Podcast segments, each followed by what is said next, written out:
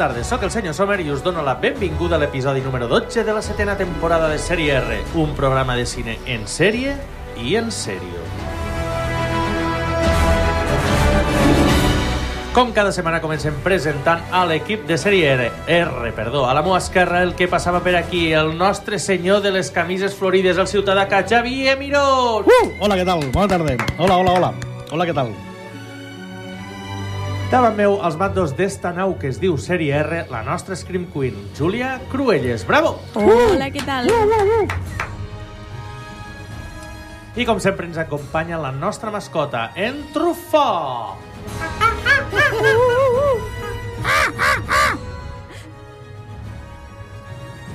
Sèrie R és un programa preparat i cuinat des de Ràdio Ràpita que el podeu escoltar els dijous de 8 a 9 i els dissabtes de 3 a 4 o també recuperant el podcast que trobareu a radioràpita.cat, iBooks i també a Spotify. Des de Sèrie R volem donar les gràcies a tots els nostres oients d'altres poblacions de Catalunya, ja que gràcies a la xarxa estem en les seves emissores.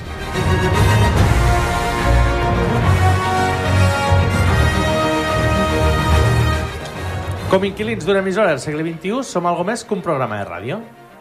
Efectivament, el programa no acaba quan marxem de l'emissora. Podeu seguir atentos a les novetats al nostre Facebook, a X, a Instagram i en versió extesa a serier.cat, on trobareu articles sobre coses de les que en algun moment parlem al programa o no. I dit això, què portem avui? Pues com sempre portem notícies, portem estrenes i avui parlarem dels nostres tops de l'any 2023. Uh! Comencem encenent les llums, les càmeres... Acció!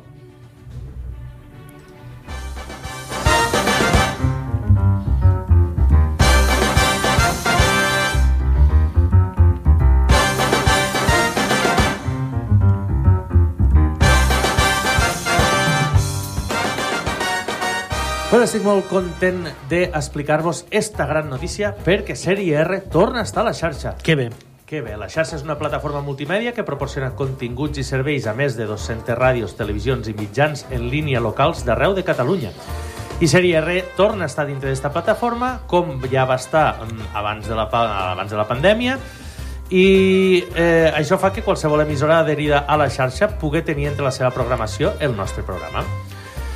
Com us he dit, abans de la pandèmia ja vam estar eh, a la xarxa i vam arribar a ser escoltats fins a 14 poblacions. De fet, ara mateix, en aquesta setena temporada, hi ha 6 emissores que ens han escollit, a part de Ràdio Ràpita, que és des d'on surt el programa. Tenim eh, Ràdio Taradell, tenim a Canal Terrassa Televisió i Ràdio Municipal, tenim a Ràdio Cambrils, tenim a Ràdio Hospitalet de l'Infant, Uh! Ràdio Tortosa i UAU Lleida Ràdio. Toma ja. És una gran notícia I tant. perquè mm, eh, expandim el nostre univers eh, de Superbé. Eh, És molt que ja mos escoltem. això és el que volíem explicar-vos com a gran notícia de la setmana, però també tenim eh, lo habitual, que són eh, morts. Veritat, Júlia? Vaja. Sí, uh, va morir eh, Glynis Jones als 100 anys, que, per qui no sabia què és, qui és, va ser eh, la gran feminista cinematogràfica del clàssic Mary Poppins. Mm -hmm. Trobo que tothom ja mos fem una idea. A més, fa poc la van posar al Cineclub, Mm -hmm. així que molt fresqueta a la ment. Molt fresqueta. I, bueno, com a cosa curiosa o com a destacar, pues, que al, al 1961 la va ser nominada a l'Oscar per Tres vides errantes. 100 anys ja, com diuen per aquí a les Terres, ja ha pagat a l'amo, no? Jo crec que sí. Sí. Una vida Sí, llarga i, jo fruc- crec que i sí. fructuosa. Ja ha tingut una vida plena. Uh, no va arribar als 100 anys, però sí als 78 el senyor Ventura Pons. Mm, este més, més recentet, pobret. Mm. Director de cinema, guionista i productor català. La seva primera pel·lícula l'any 1977, Ocanya, retrat intermitent, va ser seleccionada oficialment pel Festival de Cannes al 1978 i es va convertir en el director que més pel·lícules ha rodat en català i un dels cineastes més coneguts de Catalunya. Vaja que sí. En honor de Miguel Luna. Mm -hmm. Sí. Hi ha pel·lis molt xules, eh? Les pel·lis de Ventura Pons, el que passa és que a l'última època, quan se va vincular al teatre, eren millors.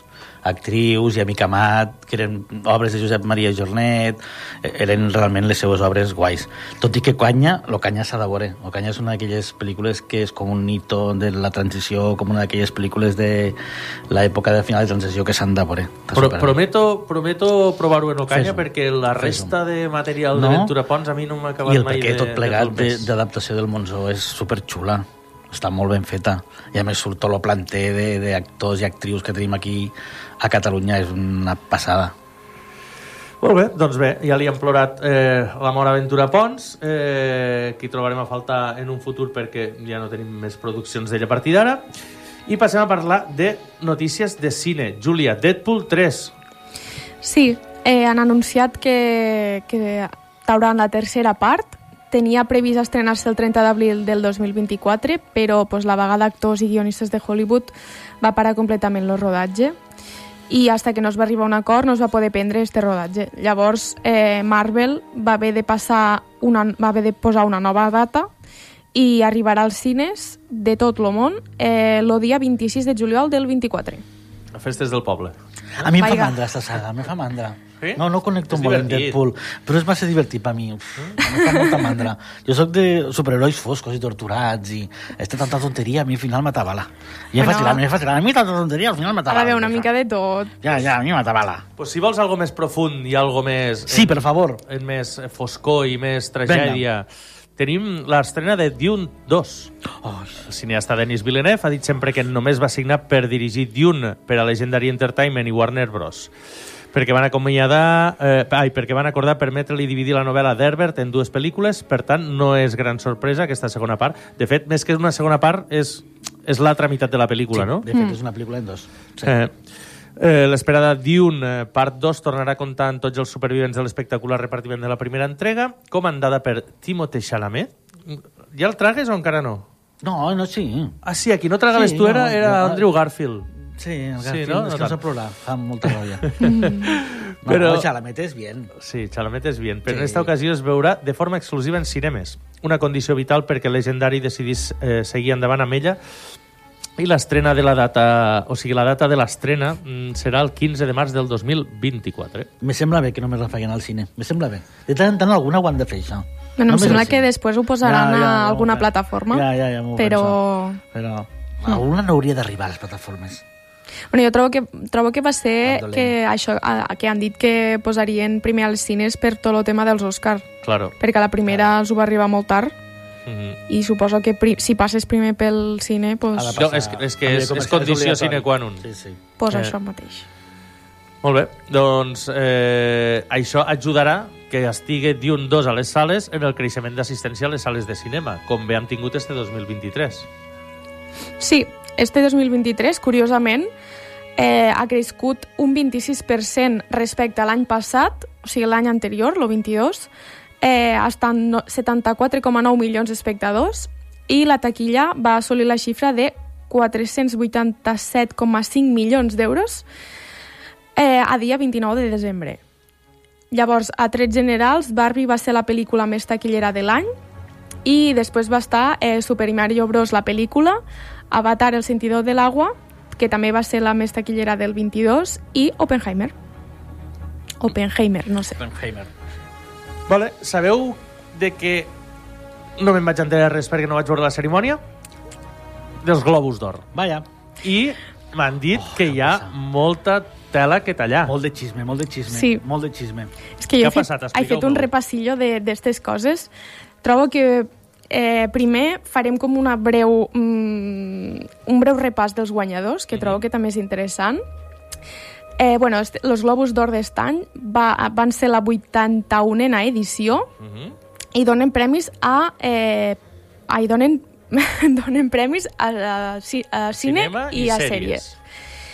I eh, recordem que aquest any eh, ha sigut la primera vegada que s'han sumat més de 300 periodistes com a membres de dret a vot després de totes les diverses polèmiques. Ai, no, i... no em va arribar, no em va arribar cap, cap petició ni cap És invitació. raro, eh? És raro, és raro. Llavors, eh, els guanyadors de la nit de pel·lícules tenim... O sigui, la, la guanyadora va ser Oppenheimer. Ah, per això has volgut ficar avui la banda sonora per baix d'Oppenheimer, Claro. no? L'equipo Molt técnico está en todo, eh. Vaya, Claro, vaya. claro. Eh, va guanyar cinc premis, entre ells eh, bueno, la millor pel·lícula dramàtica, millor actor a Cillian Murphy i a Robert Downey Jr., eh, també millor direcció i millor banda sonora. I després tenim un triple empat de per a Barbie, per a Pobres Criatures i per a Anatomia d'una caïda, que les tres van guanyar dos premis. I després tenim les sèries. la que va triomfar més va ser Succession, Bravo! Entre els quals va guanyar la millor sèrie dramàtica. Després tenim eh, tres premis per a The Bear, que és la, va ser la millor sèrie de, com de comèdia. Aquesta la tinc allí aparcadeta i no, no hi he entrat. La primera temporada Mm. vaig xalar molt jo. Mm -hmm. I també tres premis a Bronca, que va ser la millor minissèrie. Aquesta no la conec. Que és espectacular, l'has Sí? de veure. És molt Però loca. és que no sé, no, no la, la primera que la sento. Sí, en sèrio? No, sí. pues sí. És un d'aquells hypes així locos que es va colar i a mi em va parlar algun. Vull dir, no la vaig veure, eh? Netflix. Sí. Sí, però té molt component coreà perquè molt del equip tècnic i repartiment penso que és coreà. Molt bé. Però és una, una sèrie molt surreal, eh? Molt loca, molt loca. No es pot dir res perquè se fa spoiler a qualsevol cosa que digui. Mm. D'entrada és una bronca. Està, ja. Sí. Entre dos. Ja. Vale, pues ara, eh, com hem dit, una miqueteta, una miqueteta de xafarderia. Vinga, xisme, xisme. Què va passar? Què va passar? Vale, pues, eh, ja sabem que quan se Per reuneixen... favor, Júlia, necessito tallar-te perquè hi ha una cosa que sempre diem aquí a Sèrie R i encara no he acabat d'entendre després de tantes vegades i de set temporades que portem i és que, que m'expliquen lo de millor pel·li comèdia musical, per favor. Per exemple, Poor Things ha guanyat el premi a millor, poli- eh, millor comèdia o musical. És que tu diries que és un drama? I tu diries que és una comèdia? Jo, si tingués que votar, votaria més cap a comèdia, eh? Comèdia negra, comèdia Vale, rara... potser este, potser este no és el millor, No és lo millor exemple, exemple, però hi ha no. anys que dius com pot ser que aquesta pel·lícula Per exemple, estigui... tu perquè no has vist The Bear, però jo ficar-la com a comèdia també m'han dat narices, mm. perquè és un drama, bueno, per mi és un drama, vamos. I l'he anat molt bé, perquè si no, no hagués guanyat, també t'ho dic ara. Ja. Vull dir que el fet que l'hagi Ja. ficat a comèdia l'he anat bé per guanyar. Però sí, suposo que si per a... I a més ficar el pack comèdia musical, Claro. com? És com tot el que no és serio. Pot ser un musical que no Sí. sigui comèdia, no? Totalment. Pues I ja pot ser un musical que sigui dramàtic, evidentment. Claro que sí. Bueno, eh, és però- igual. però Això era, este era una... parèntesis Era, ell, no, ell no necessitava fer-lo. Sí, necessitava- era un No meló que necessitava no passa res. tornar a no obrir. Passa, no ho hem aclarit, però no passa res. Júlia, han, han passat moltes coses, Xisme, moltes venga. xa- xafarderies, Sí, no? I moltes... tornem. Què passa? Eh. Que quan se reuneixen los famosillos de turno, pues ja sabem que a vegades passen coses, no? I, pues bueno, mm, han hi ha hagut coses mm, incomodetes, mm, una miqueta de salseo, una miqueta de, de rises, també. Llavors, trobo que el primer que hem de comentar és l'obertura i monòleg del còmic. He ficat entre cometes eh, Jo Coy. Què va passar en este senyor? Qui és aquest home? I jo també Algú pregunto el mateix. Qui és aquest home? Me feia vergonya preguntar-ho perquè No, pare- no, pareix, jo ja- pareix un home de 90 anys que no se Jo n'entén ho he de preguntat res. tres vegades avui. Ja Durant el dia d'avui, a diferents persones he preguntat tres vegades. I no coneix ningú? Qui és aquest home? A Qui veure, Google. Jo també el vaig buscar al Ah, Google, bé, tampoc bé. no t'ho sabria dir. Quan lo veus potser te sona a la cara, Jo ni això. però mm, trobo que és molt del mundillo Hollywood profundo, perquè no te sabria dir molt bé. I deu fer stand-up i coses d'estes, Sí, no? sí, Deu sí, ser sí. monologuista. sí, i- sí, sí. Vale, ja està. Llavors. Va soltar joietes com la gran diferència entre els Globus d'Or i la NFL. Els Globus d'Or tenim menys planos de Taylor Swift. Toma ja. Què passa? Context. Eh, la cantant, Taylor Swift, se veu que té una relació romàntica en un jugador de la NFL. I aquí una mica ve la... mm, Com ella havia anat als partits pues, a donar suport com a bona persona que és, pues, va fer la, la brometa esta. Que ja dic per avançat que cap de les brometes no va sentar molt bé en general. Vull dir... No, no, lo van abutxear. En algun moment van, van xiular. I les cares i els memes que han sortit d'això, Sí, tela. sí. Va crear moments incòmodes, Tremendo. no? Molt incòmodes. Sí. Molt incòmodes. Després també va dir, per exemple, em va encantar Oppenheimer, però tinc una queixa. Necessitava una hora més, perquè em semblava que la història necessitava més, més història de fondo. O sigui que... Ah, i no s'acaba aquí, espereu. El meu propòsit d'any nou del 2024 és acabar Oppenheimer al 2025. Molt bé. Funny, no? Sí. Ah, Que gràcies. Mm, Bueno, sí. eh, després també va dir que Barbie va sobre una nina de plàstic amb pits grans No en té res, no? No en té res de la... No. No massa. i també que, que passava de ser una bellesa perfecta a tenir malalè, cel·lulitis i peus plans, o com els directors de càsting diuen, actuar. Aquí mm, la gent va, va flipar una mica, o sigui, les risses que hi havia eren risses incòmodes. Saps? De... Sí, però Sí. També, també et dic una cosa, això eh, també és incòmode i, i, i resulta antipàtic perquè sempre hi ha una mica de veritat en, en, en algunes de les coses que es diuen en, en este tipus de, de, de speeches perquè també s'ha criticat sempre que per que una dona guanyi un Oscar... Que sempre és més fàcil afear-se, ficar-se... Mm. No? Mm, tema de la cel·lulitis... De... Recordo la Charlize Theron en Monster, o recordo que no n'hi ha prou en, en... O sigui, que guapa i actua bé, com que... Que no t'emportes mai res. Claro, no, no sé. Bueno, de fet, la gala dels Globus d'Oro ho certifica una mica, eh? Barbie no va, vull dir, a perdre, direm-ho així. Sí, sí. Sí. Pues jo he de dir que a mi Barbie me va agradar molt. Ho sento, Jo a mi el missatge me va... En el moment A mi també, me va lo dar missatge això. també, però Què passa? Que sí, se li va donar molt de bombo pues perquè, a veure, també la campanya de, de màrqueting i de Sí, del sí. pre se va fer molt potent i potser a l'hora de quan va sortir la pel·li dies, vale, ja he avorrit Barbie i tot, saps? Però bueno. Bueno, a tot això, A tot això. eh, lo senyor este eh, ja va veure... Que no qui és. va detectar que algo no anava bé Sí. i va, do va, va donar la culpa als guionistes que li havien fet lo monòleg. Jo crec que va fer el pitjor que podies fer quan te fan alguna així. Sí, va dir que li van donar este treball feia 10 dies i excusant-se com a què voleu més, saps? O sigui, em va quedar malament perquè no Havia sabia fet- ni llegir lo guió. havia, fet, havia, fet, havia fet el que havia pogut en el poc temps que li havien donat. Bueno, Hòstia. ell sí que va ficar com una mica de la seua d'això, damunt va dir dels que bon esteu rient són los que Los he meus. fet jo. Los que no bon rieu Sí, són, sí. ho han fet los altres. grande, Se va cobrir de glòria. Sí, sí. Llavors, pues, com a que... I ho va rematar en si ho podeu fer millor, pugeu aquí dalt i feu vosaltres. Que trobo que és el pitjor que pots dir. Quan puges dalt d'un escenari, sincerament. Això és- o sea, això és la- enfrontar-te ja en lo públic. Però això és quan no saps Sí. per on sortir. Home, evident, perquè és que evidentment no sabia per on sortir-se'n. Suposo que devia veure les cares de la gent i devia dir, madre mia. Pues sí. Però també van hi haure moments divertits de veritat, no? Efectivament. De simpàtics. Com per exemple, que es van trobar Meryl Streep en Amanda Seyfried, Seyfried? no sé si ho dic bé, Seyfried, sí. que eren mare i filla a Mamma Mia. També Jennifer Lawrence, eh, quan la van enfocar per, a, per al premi que estava nominada, va dir, si no guanyo me'n vaig. Mhm. Que pues, Això ella, va en el seu típic humoret... Sí. Sí. No va guanyar. No, no, evidentment que no. I no va marxar. No se'n va anar. Evidentment que no. Després, eh, a Cillian Murphy, que com ja hem dit li van donar el premi a millor actor, quan va anar a sortir al, al, a l'escenari a buscar el premi, estava ple de, de pintallavis de la seva dona, i se veu així un vídeo que... Home, com a mínim era, era de la seva dona. Com a mínim. Està molt bé. Menos mal. Sí, però és graciós. Sí, los roig del nas i això era molt graciós. I sí. també vam, vam veure a Kieran Culkin, de, de la sèrie de Oh, Succession, soc molt fan, jo de Kieran Culkin. Va, pues va fer, li va fer una broma a Pedro Pascal, dient-li com a...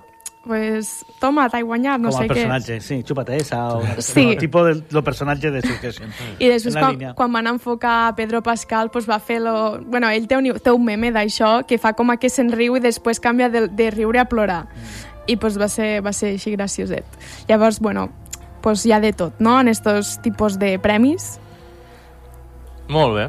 Bueno, pues animadeta, no? A Però l'animadeta, el que no va bé és molta denúncia que cada any, per exemple, els Oscars sempre aprofiten alguna cosa per fer algun tipus de proclama, pues, depèn de si hi ha algun país en guerra i tal. Globus d'Or suden. Els Globus d'Or o sigui, estan per una altra dimensió. què? Si ja creen ells mateixos. Ucraïna...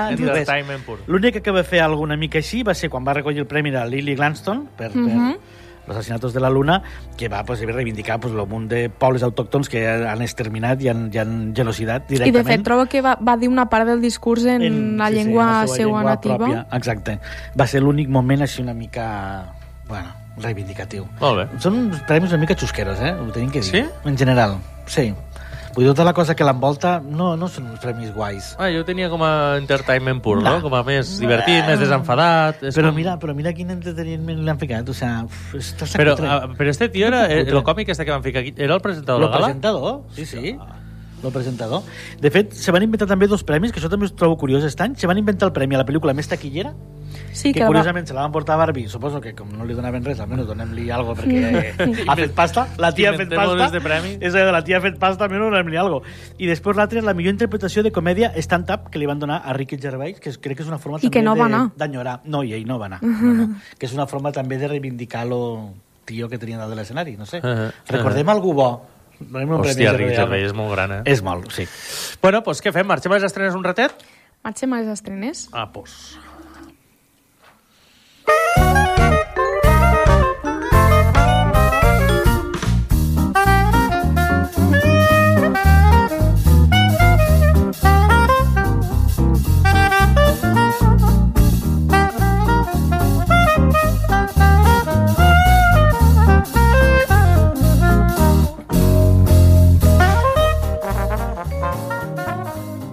m'encanta esta musiqueta, m'imagino en, en el meu vehicle anant cap a la sala de cinemes i plantant-me davant de tots els cartells que El hi ha. vehicle és un cotxe? És que m'he Sí. sí. quedat una mica encallat aquí. Sí, dic, Ah. dic vehicle perquè, Bé. perquè dins la meva imaginació és un vehicle de dibuixos animats. Ah, d'acord. Llavors no arriba, a ser un que- cotxe. No arriba a ser un cotxe. Claro. Ja, ja t'entenc. I arribes allà i plantes davant i a veure, quines estrenes tenim esta Què setmana? avui?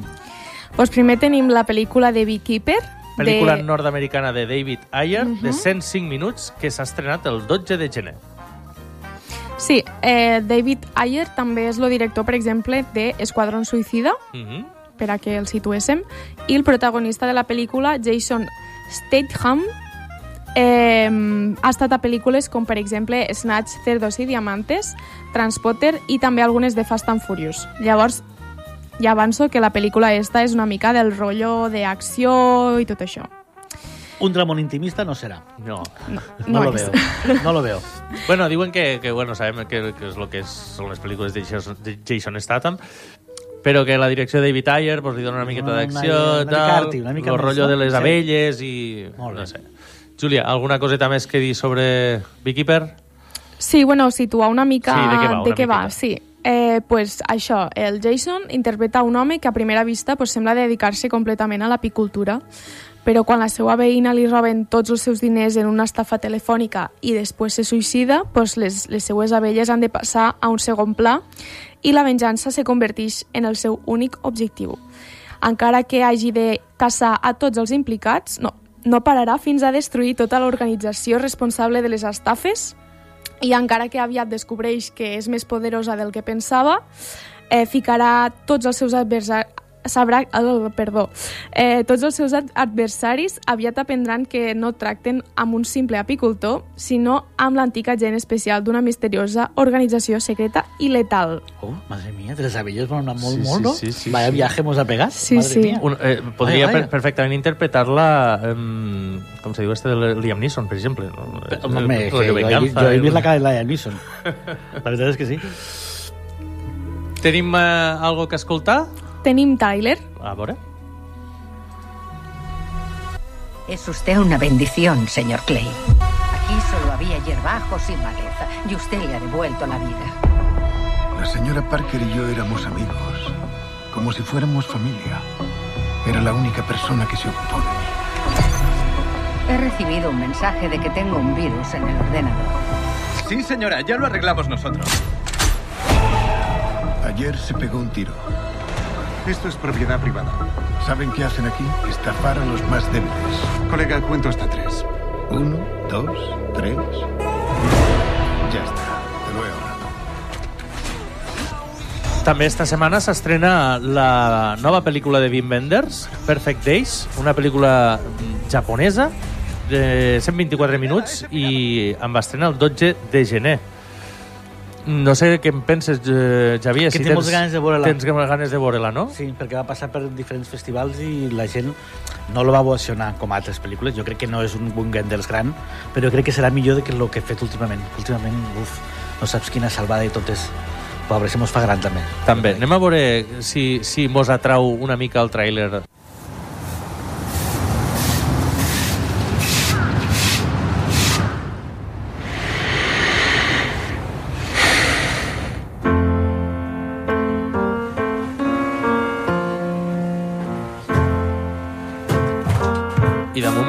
Perfect Day, a la banda sonora. Moltes cançons de Lou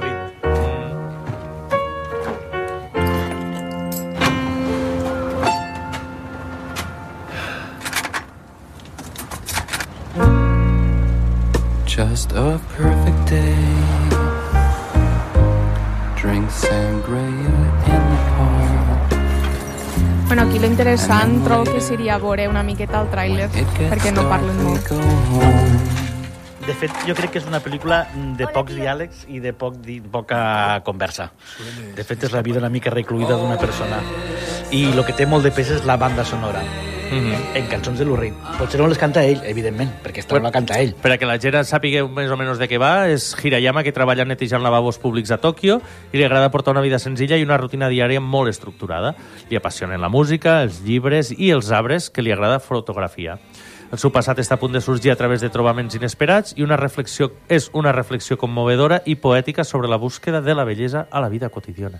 Té un punt Murakami a tope. És una mica Patterson, no, també? També. Eh? Sí, a favor. De Jarmus? Sí. Diuen que l'origen del projecte és molt curiós, Júlia. Sí, és tan curiós que mereix que l'expliquéssim, A trobo. veure. Vinga. Eh, els japonesos havien encarregat eh, diversos lavabos públics de div a diversos dissenys avantguardistes per a les Olimpiades que van haver a Tòquio i en tots els retards de la pandèmia, tot això, està aposta original arquitectònica eh, pues, corria el perill de quedar oblidada. Mm -hmm. Llavors, Takuma Takasaki, amic de Wenders, productor i co- co-guionista de la pel·lícula, el va convidar a visitar-lo a Tòquio per a veure estos lavabos i potser donarien per a un... Potser és que donen per a... O sigui, eren tan bonics que, bueno, són, trobo que encara estan. Los lavabos? Sí, sí, que estan... Eh, pues donaven per a, per a la... que siguessin un... esposats i tot, saps? I llavors pues, Wenders va veure els lavabos i va dir que ni fotos ni res, que el que es mereixia era un llargmetratge de ficció en, Pel·lícula sobre els lavabos. sí, entorn senyor. als lavabos, sí, sí. Sí, ben fet. Bueno, eh, pues molt interessant. Molt interessant. De fet, Wenders ja té contacte amb el món japonès. A Tokyo Gaga, una de les seves primeres pel·lícules, Mhm. va fer un documental al voltant de la figura de Ozu, el director... És un, bueno, és un senyor que és, està, té aquesta cosa interculturalitat molt arrelada. En Lisboa, per exemple, va fer Lisboa Story, Madre Deus... Aquí els, els, els Unión Cine Ciutat Amposta crec que està en cartellera i Ah, està, és, està, és un bon moment està. perquè anéssim sí, a I veure-la. crec que hi ha un dia que la fan en versió original. Molt bé. I ara, una de les sensacions de, eh, de l'any, perquè és La zona d'interès, pel·lícula del Regne Unit de Jonathan Glazer, de 106 minuts, i s'estrena el 19 de gener. És una adaptació de la novel·la de Martin Amis, que explica la història d'un oficial nazi que s'enamora de la dona del comandant del camp de, de concentració d'Auschwitz. I el més curiós és que la història es narra a través de tres personatges, l'oficial protagonista, el comandant i un jueu. Llavors a la pel·lícula seguim el comandant d'Auschwitz, Rudolf Hoss, no sé si ho dic bé, però bueno, i la seva dona Hedwig, eh, mentre s'esforcen per a construir una vida de, de, com a d'ensomni no? eh, per a la seva família a una casa amb jardí a prop del camp de concentració. És una pel·lícula que ha tingut eh, diverses eh, nominacions i premis. Va estar al Festival de Cinema de Cannes on se van dur quatre premis i una ovació de gairebé 6 minuts. És una de les pel·lícules que també tens moltes ganes de veure, Xavier. Tremenda. No, no, és tremenda. A més, si veus alguna imatge és que estan, és com una, el que he dit ella, una casa d'ensueño, una no casa de vist, Barbie. no? no, no, però Ah. imatges del tràiler, sí. Uh -huh. I és com una casa d'ensueño al costat d'un camp de concentració. O sea, veus com lo fum, com lo fum del, del, del, de les xemeneies que estan cremant jueus, cau damunt de... O sea, és com molt, molt gore, molt sòrdid. Jo crec que la paraula és gore, directament. I ells han de fer una vida normal, pues aquell que arregla el jardí, pues que fa vida pues, casolana. En Jo- Camp de concentració al costat. Jo tinc moltes ganes de ve- de veure-la també sabent quines pel·lícules ha fet el Jonathan Glazer, com Sexy Best, que em va agradar molt, i, i The Fall. Posem tràiler? Fica una miqueta a veure què diu.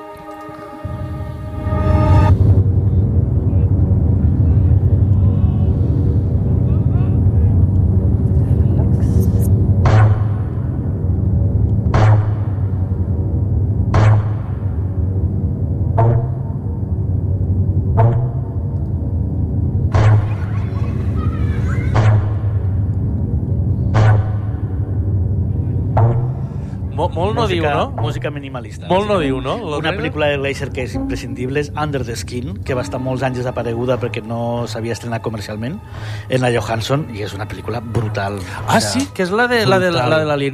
Oh, és molt bona, esta també és de pel·lícula. No sabia I que la era de. La del Birth, esta l'has dit, la de Nicole Kidman? La Nicole No Kidman, l'he que se li mor l'home i pensa Sí, que el que xiquet s'ha molt també. Buah, tremenda. És molt forta. Glazer, a més, té unes històries com molt sòrdides, com Sí. de mal rotllo. O sea, no t'incomoda perquè no te fa passar mal rotllo, com David Lynch alguna vegada, que podria ser també el referent de coses sòrdides i mal rotllos, però que te peta una mica al cap. Fa Sí, històries de com a petar-te molt una mica al originals cap. i rebuscades Sí, sí, de i- contrastar coses que aparentment no, no tenen res a veure, no? Eh. La de Nicole Kidman és molt impressionant i la de Johansson és espectacular. Tot a nivell visual i el paper d'ella és una meravella. De fet, és una joia que es va estrenar potser fa dos anys comercialment, però que feia un munt d'anys que estava realitzada i no s'havia pogut estrenar. Glazer és un tio potent, eh? Jo recordo l'època que estava en Spike Jones i Michel Gondry fent vídeos de Björk i de Radiohead i gent així, i hi gent que a nivell audiovisual, buah, són molt potents. Ja estic parlant de Radiohead, no sé què. Vinga. O sigui, i Sexy Best, és que, que a mi, em va, a mi me, és me va sorprendre molt perquè no coneixia Jonathan Glazer, és una pel·lícula tio- curteta de 89 minuts, però Ben Kingsley fot un paperàs. Sí, no, no, és impactant. Són històries impactants, la veritat és que sí. I a més també molt... Eh, o sigui, és, és un tio molt eclèctic, perquè... sí, mm, aparentment... Perquè Sexy Best, per Sí. exemple, és una pel·lícula de mafiosos, després Sí. te'n vas Under the Skin, que és una pel·lícula de- Sí. d'alienígenes... I la de Birth de eh, Nicole Kidman és, un drama, drama que intimista, dius, sí. tot el qual, sí, sí. Molt bé, doncs, a tenir-la molt en compte. I ara anem a parlar de la guanyadora de Sitges, Cuando acecha la maldad, la pel·lícula argentina de Damian Rugnat, de 99 minuts. Estrenada el 19 de gener.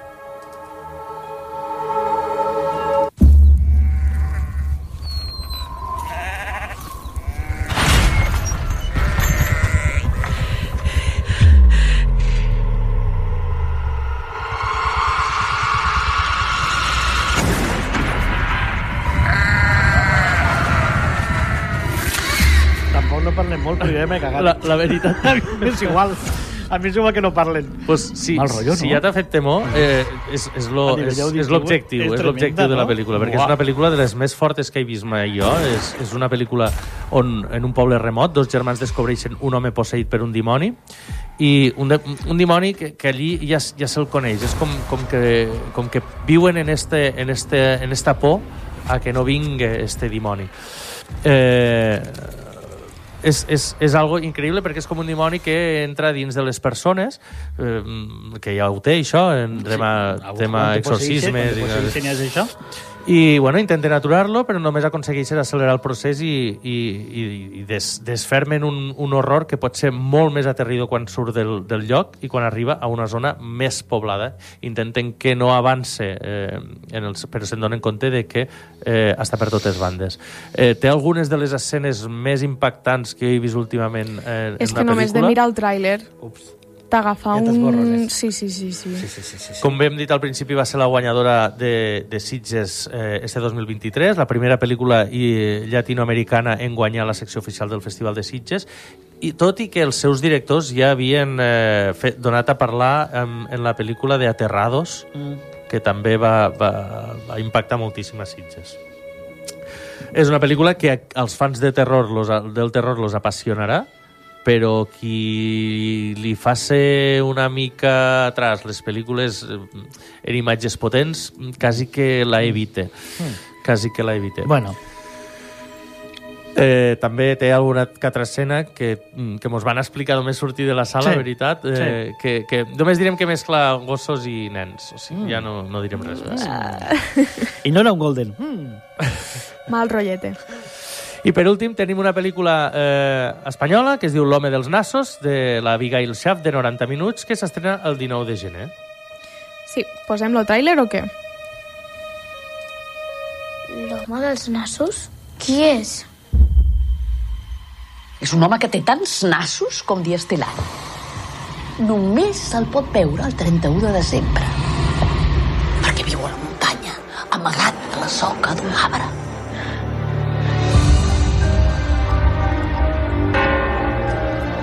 L'home dels nassos vigila els nens mentiders.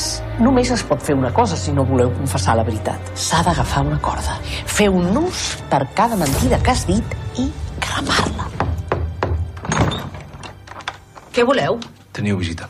Com es diu? Clara. No podem acollir. A l'hivern de 1968, en un petit poble de muntanya, tres nens intenten escapar de l'anomenat Home dels Nassos, un ésser llegendari que captura els nens mentides durant l'últim dia de l'any. Però ells no són els únics que el temen. Les mentides del passat també es poden olorar.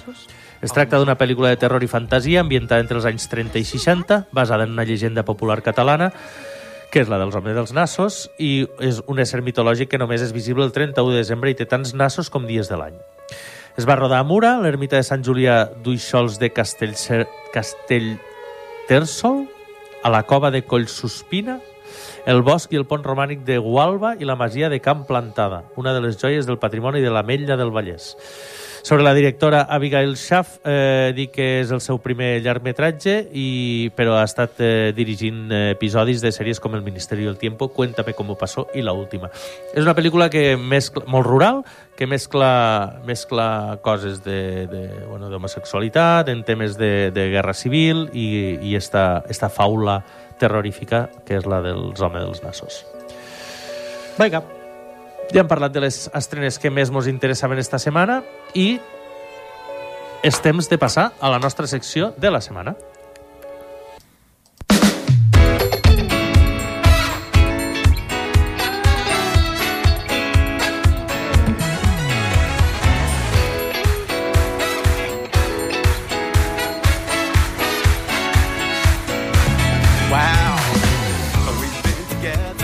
Una de les fan coses... aquí, no? Aquí els temps? Una de les Uh! coses que no podem evitar cada principi d'any és parlar de les millors pel·lícules i millors sèries de de l'any que, que acabem de- d'acabar, que acabem de, de, de passar, com és el 2023 esta vegada, però no només parlarem de pel·lis i sèries, sinó que també de moments, los moments tops de l'any.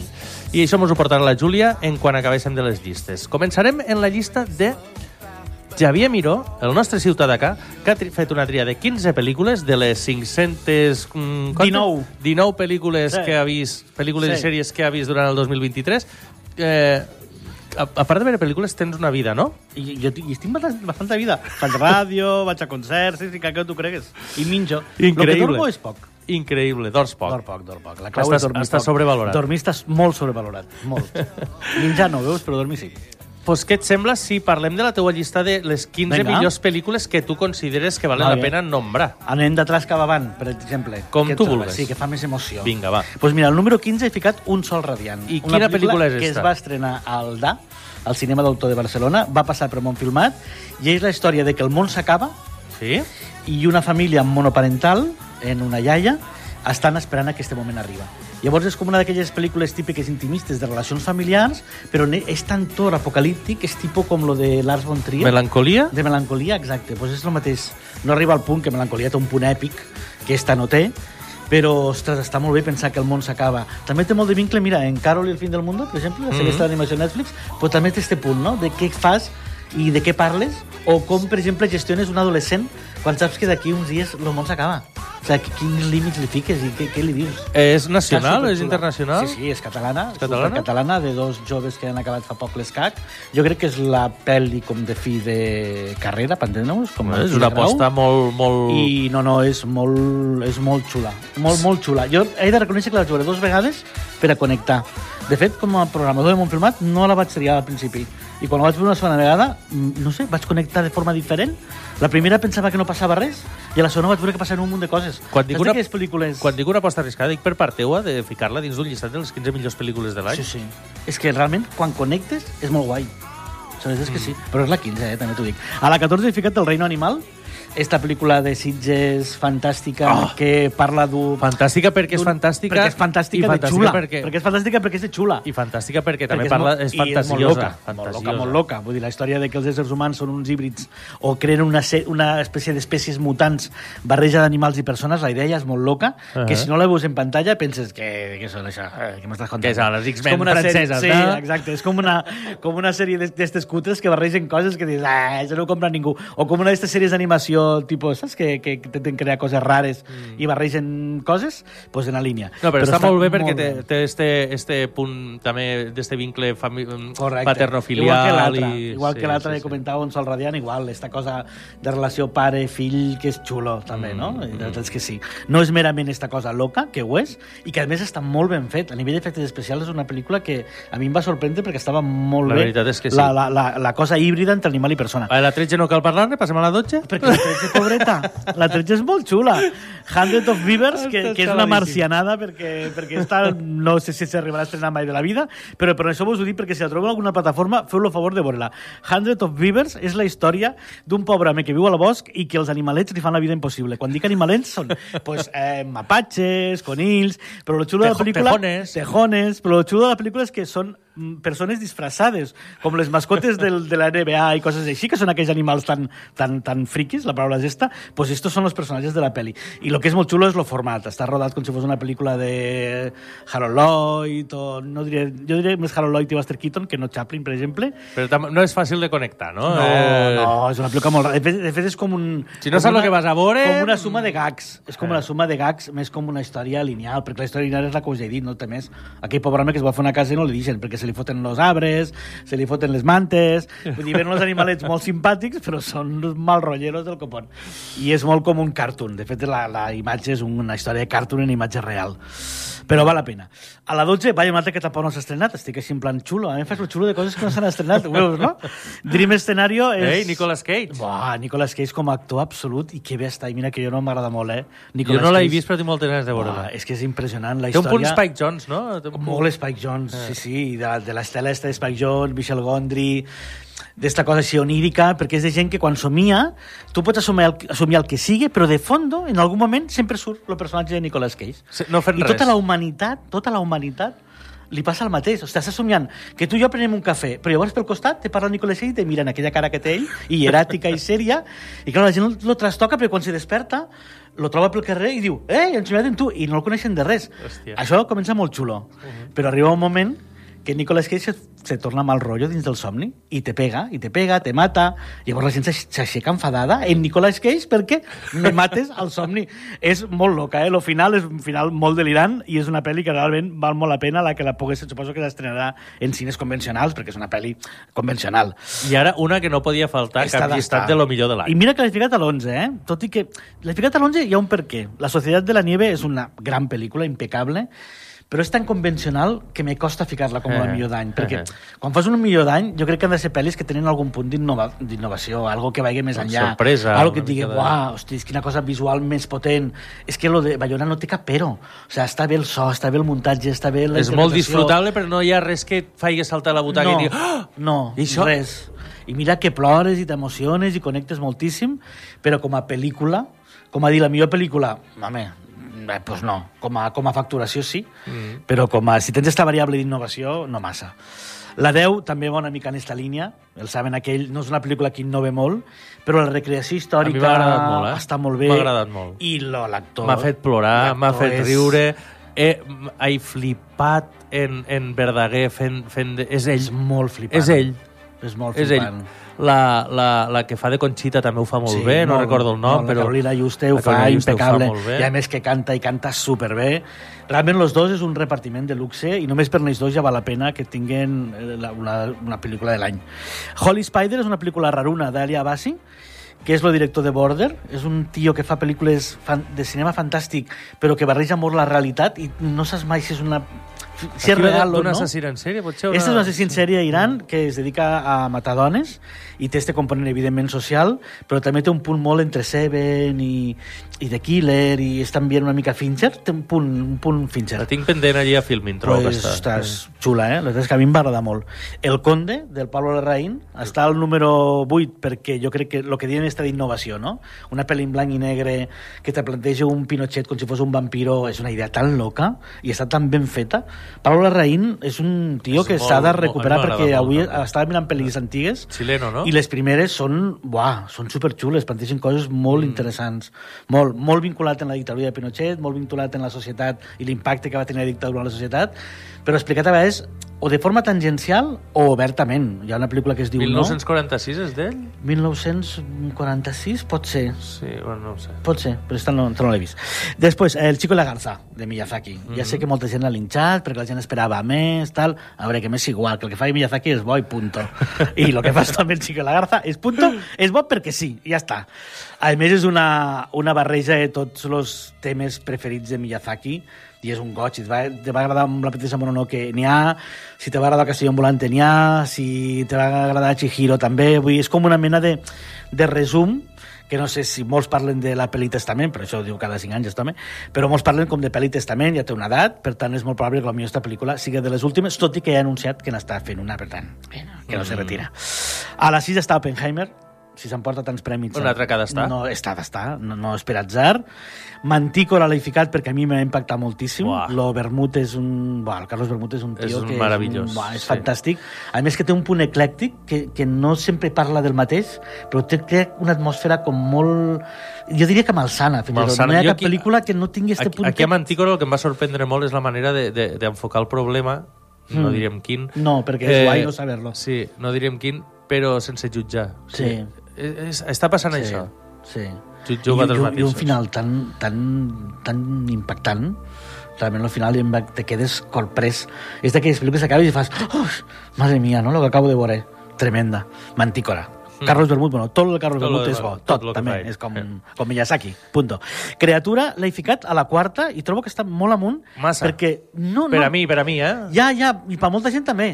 Però veus esta cosa innovadora? Hosti, jo esta, esta, este discurs que crea entre un tema tan tabú i tan poc explicat com és la sexualitat femenina en tres actrius que, ostres, i que es va barrejant i que, buah, jo ho vaig trobar fantàstic jo, molt reivindicable. Sí que és petita, sí que, per exemple, clar, fiques al costat de la Societat de la Nieve i dius, què m'estàs contant? Però no és per l'epicitat, no és per la pel·li gran, és per la, esta cosa innovadora Sí, però jo, jo crec... a l'hora d'explicar alguna cosa. No, no, no, a mi també m'agrada, però crec que mm, incidix massa en certes coses i reitera mm. molt el discurs. Mm. Però és veritat que és molt atrevida i molt valenta. Molt, Eh. molt. A la 3 he ficat Fallen Lips. Fa ràbia, perquè la 3 i la 2 mm, sé que m'agradaran i encara no les he vist. Oh, pues Fallen Lips és una meravella. Ja ho sé, de ja m'ho penso. Kaurismäki és fantàstic sempre i Kaurismäki és molt fort perquè és un d'aquells autors que jo crec que no ne parlem prou. Perquè, claro, se distancia molt en el temps, tampoc no fa una pel·lícula cada any. Però tu veus una imatge de Kaurismäki i saps que és ell, és que és molt loco. I mos passa en molt pocs directors, en Anderson, en pocs, que vegues una fotografia un i digues, buah, això és Anderson pels Eh, colors eh, pastel, per, pues en Kaurismäki o sigui, tu veus un fragment i dius és Kaurismäki, per la fredor, els personatges sembla que siguin marcianos, quasi no parlen, tots van borratxos sempre, això és un marca de la casa, tots veuen molt, que a Finlàndia és el que fa molt fred i la gent ha de veure. I esta pel·lícula és una història d'amor, però tocat per un aire Chaplin, eh, molt guai. La 2 és Anatomia d'una caïda, que per a molts és la pel·lícula de l'any, almenys europea, jo crec que ho és. és una, jo, no és tant per la pel·lícula, pel que t'expliquen no és tant, però hi ha un parell d'escenes de com discutits una parella que jo crec que no s'ha filmat mai de la vida algo tan realista com aquella discussió, de veritat, eh? és algo impressionant. I tu diràs, no és cap avió que s'estrella, eh, però veure, quan tu haver tingut una parella, una discussió amb la teva parella i veure-la en pantalla i dir, però és que sóc jo, o sigui, està parlant de mi com quan discutixo. Home, això que m'estàs dient me És recorda la pel·lícula aquella d'Adam Driver i de, i de la... I Pues de... en la línea, la de una No historia recuerdo, de no. un matrimonio. Sí. Pues en la línea. En la línia, però esta, buah, esta encara ho borda més. I a més té un punt misteri que també és xulo. Molt interessant la llista de 15 I la primera, Pobres criatures. Molt interessant. I anava a dir això, que la primera eh, coincidim. Coincidim los dos, que bé. Coincidim los dos perquè crec que és la pel·lícula de l'any. sí, És... per tot. Per tot. Per la història, Ja que per- coincidiu, per trobo que actrius. podríem afegir que la vagin a veure, que s'estrena d'aquí poc la pel·lícula, Mm. Sí, no s'ha el estrenat, és 24 de gener. És veritat, estem parlant de pel·lis, no, estem fent molt los xulos. Parlant de pel·lis que no s'han estrenat encara. Poor Things, és una meravella. Si Vinga. et sembla, passaré jo una mica Cantamos. de puntetes perquè tinc Cantamos. ganes d'escoltar Júlia i les seves i les seves els seus moments de l'any. Però jo començaré al revés, començo per Poor Things, que és la primera, Vinga. i aniré baixant. La segona he ficat a Babylon perquè mm, me fascina este retrat del, del, del món cinematogràfic de, de la edat de- d'or de, de Hollywood i, i com se planteja i, el, i tot lo festiu, tots els excessos. Me pareix fascinant la pel·lícula. La tercera, Los asesinos de la luna, crec que és una Mm. pel·lícula molt completa, com mm, pràcticament el mateix discurs que dies en la de Bayona, una Mm. pel·lícula que està tot està molt bé, tot està molt ben fet, però és cert també que no sorprèn en res. No. Fe llarga, eh? Dir. Sí? bueno, la quarta eh, he ficat una espanyola, la, la meua preferida espanyola, que és Asbestas. La cinquena, Oppenheimer, perquè és una pel·lícula fascinant i ha d'estar. La sexta, La Societat de la Nieve, pels mateixos, Sí. pel mateix discurs que dia ja havia fa una, un moment. La vuitena és The Killer, la pel·lícula de, de David Fincher. Esta, esta no sé per què no l'he ficat, eh? És- Esta m'ha passat a mi, esta. És, tot i que sé que li han pegat Cert. moltes, moltes eh, collejes i l'han linxat una miqueta, però a mi m'agrada moltíssim. Tenim eh, també Cerrar los ojos, la pel·lícula Oh, no l'he de, de. Erice, Quina ràbia me fas. molt xula, molt bonica. Eh, encara, encara recordo com, mm, aqu- aquell final tan, tan... Bueno, no vos explico res. Heu de veure Cerrar los ojos de, de Erice. Passem al número 9, que és Leoto Montaña, la pel·lícula italiana sobre una amistat eh, en, unes, en un poble de, de muntanya eh, i, i, i la, la simbiosi que es crea entre aquestes dues persones. Eh, de Fabelmans, encara que tu no, no t'ha agradat massa, crec que també és una pel·lícula que ha d'estar pel seu format, pel que és, per qui l'ha fet, que és Steven Spielberg pa- parlant del A seu, del seu amor pel cinema. Ho salvarem tot també. Eh, la 11 he ficat el reino animal, també l'has explicat. La 12 Napoleón, perquè crec que és una pel- pel·lícula Sí. sí. també apoteòsica que ha d'estar en un llistat de d'acord. les millors de l'any. Mm. La pel·lícula guanyadora de Sitges, que n'han parlat fa una estona quan acecha la maldad la 13. Saben aquell, eh, la pel·lícula sobre Eugenio, que també n'has parlat. I la 15 no he pogut mm, aguantar-me i he tingut que ficar Robot Dreams per lo que significa la pel·lícula. Ja, una pel·lícula ja. d'animació en este cariño i en este Sí. bon rotllo i en este oda a l'amistat crec que havia d'estar. Eh, ho he fet molt ràpid Sí. perquè tinc ganes de sentir a Júlia i els moments que ella creu que han sigut els millors de l'any. Momentos top. Sí, jo he fet un recull de moments top de l'any perquè, claro, com mm, jo no arribo al top 15 de pel·lícules i dic, pues anem a fer algo diferent i trobo que el moment més destacat d'aquest any a nivell cinematogràfic és el fenomen Barbenheimer. O sigui, eh, mm, ho va petar moltíssim a les xarxes.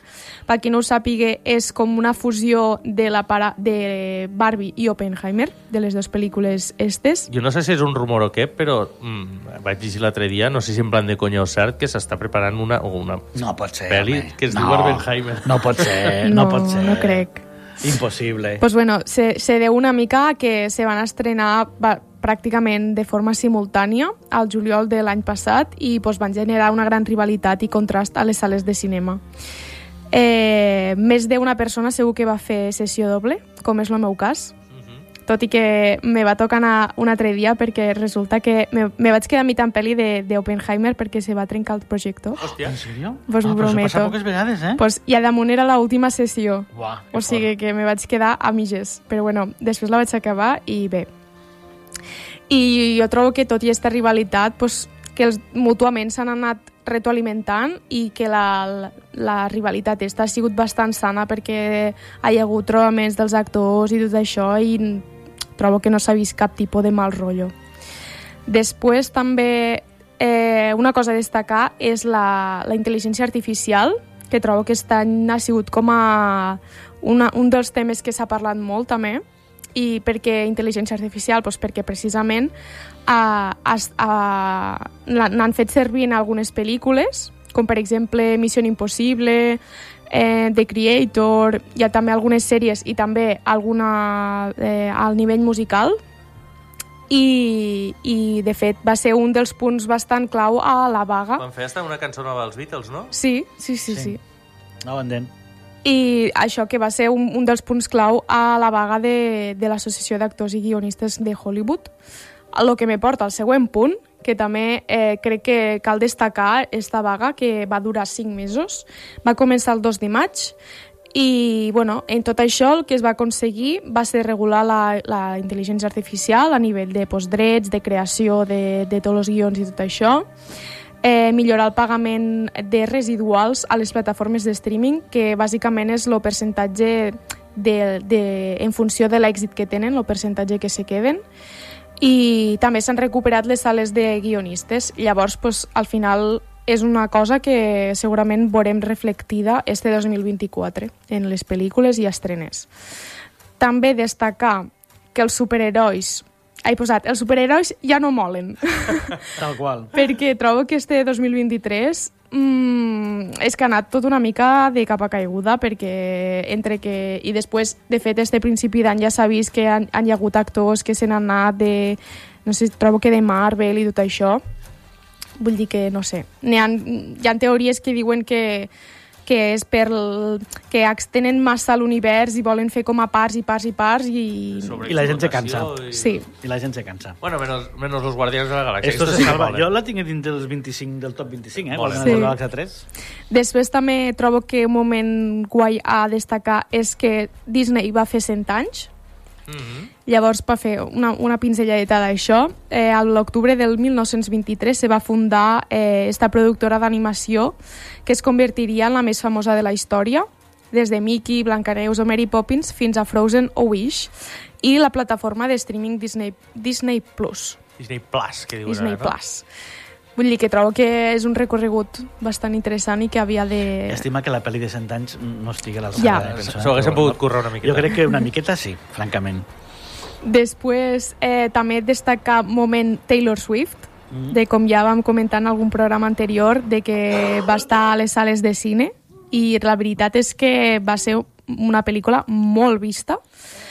Eh, va, de fet, va recaudar el primer dia, només el primer dia, 37 milions de xutxes. Uf, I al final, eh, 250 milions a, A tot tot el lo món. món. Vull dir que... Tela, sí.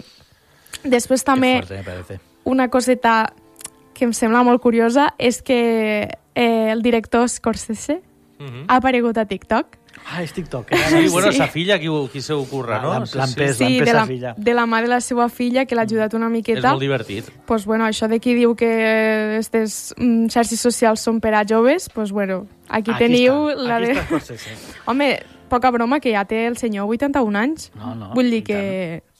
I se, des, se desenvolupa prou bé, vull dir que... Molt bé. A la bellesa tiktoker. Ara, a, pa- me, a, bueno, tot això està molt bé hasta que li pegue per dir vaig a una pel·lícula sobre la creació de TikTok. Llavors ja eh, la cosa se'n pot anar de mare. De moment, eh, no farem pel·lícula de TikTok, callarem perquè eh, se mos ha fet hora, seriers.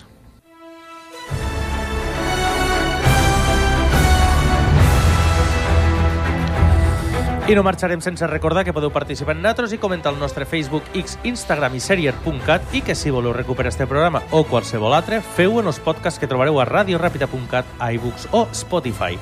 Apaguem el projector i encerem les llums de la sala. Bona nit i bon cinema.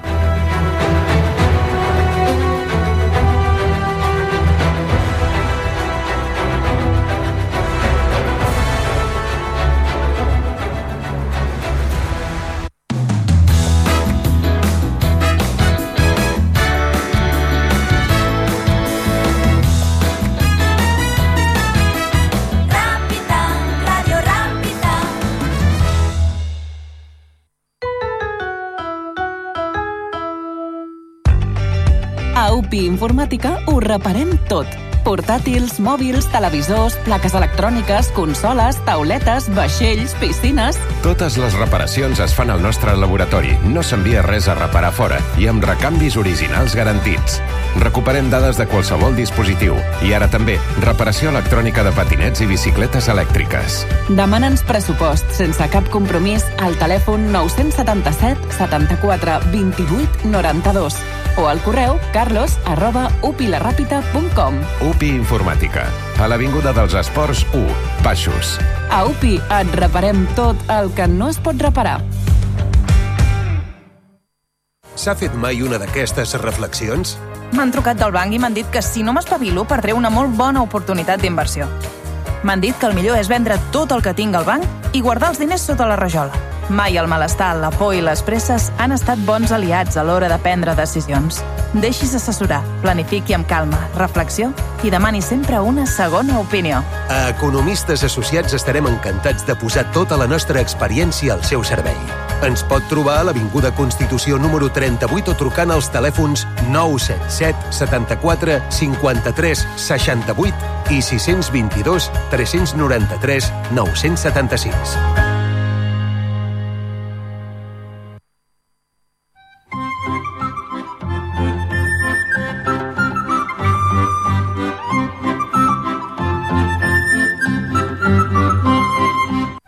Amics i amigues de la ràdio.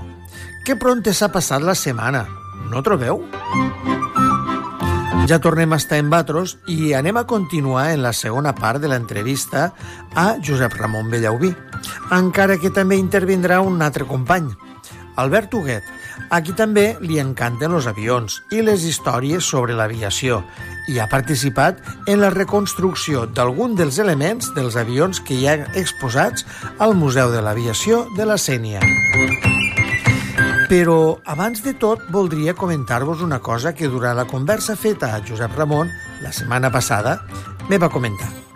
Ell me va dir que havia pilotat uns anys alguns avions i que després se va passar a la navegació. Jo me vaig quedar sorprès perquè, home, una cosa és moure's per l'aire, però l'altra moure's pel mar. Clar, parlar de navegació és un terme molt ampli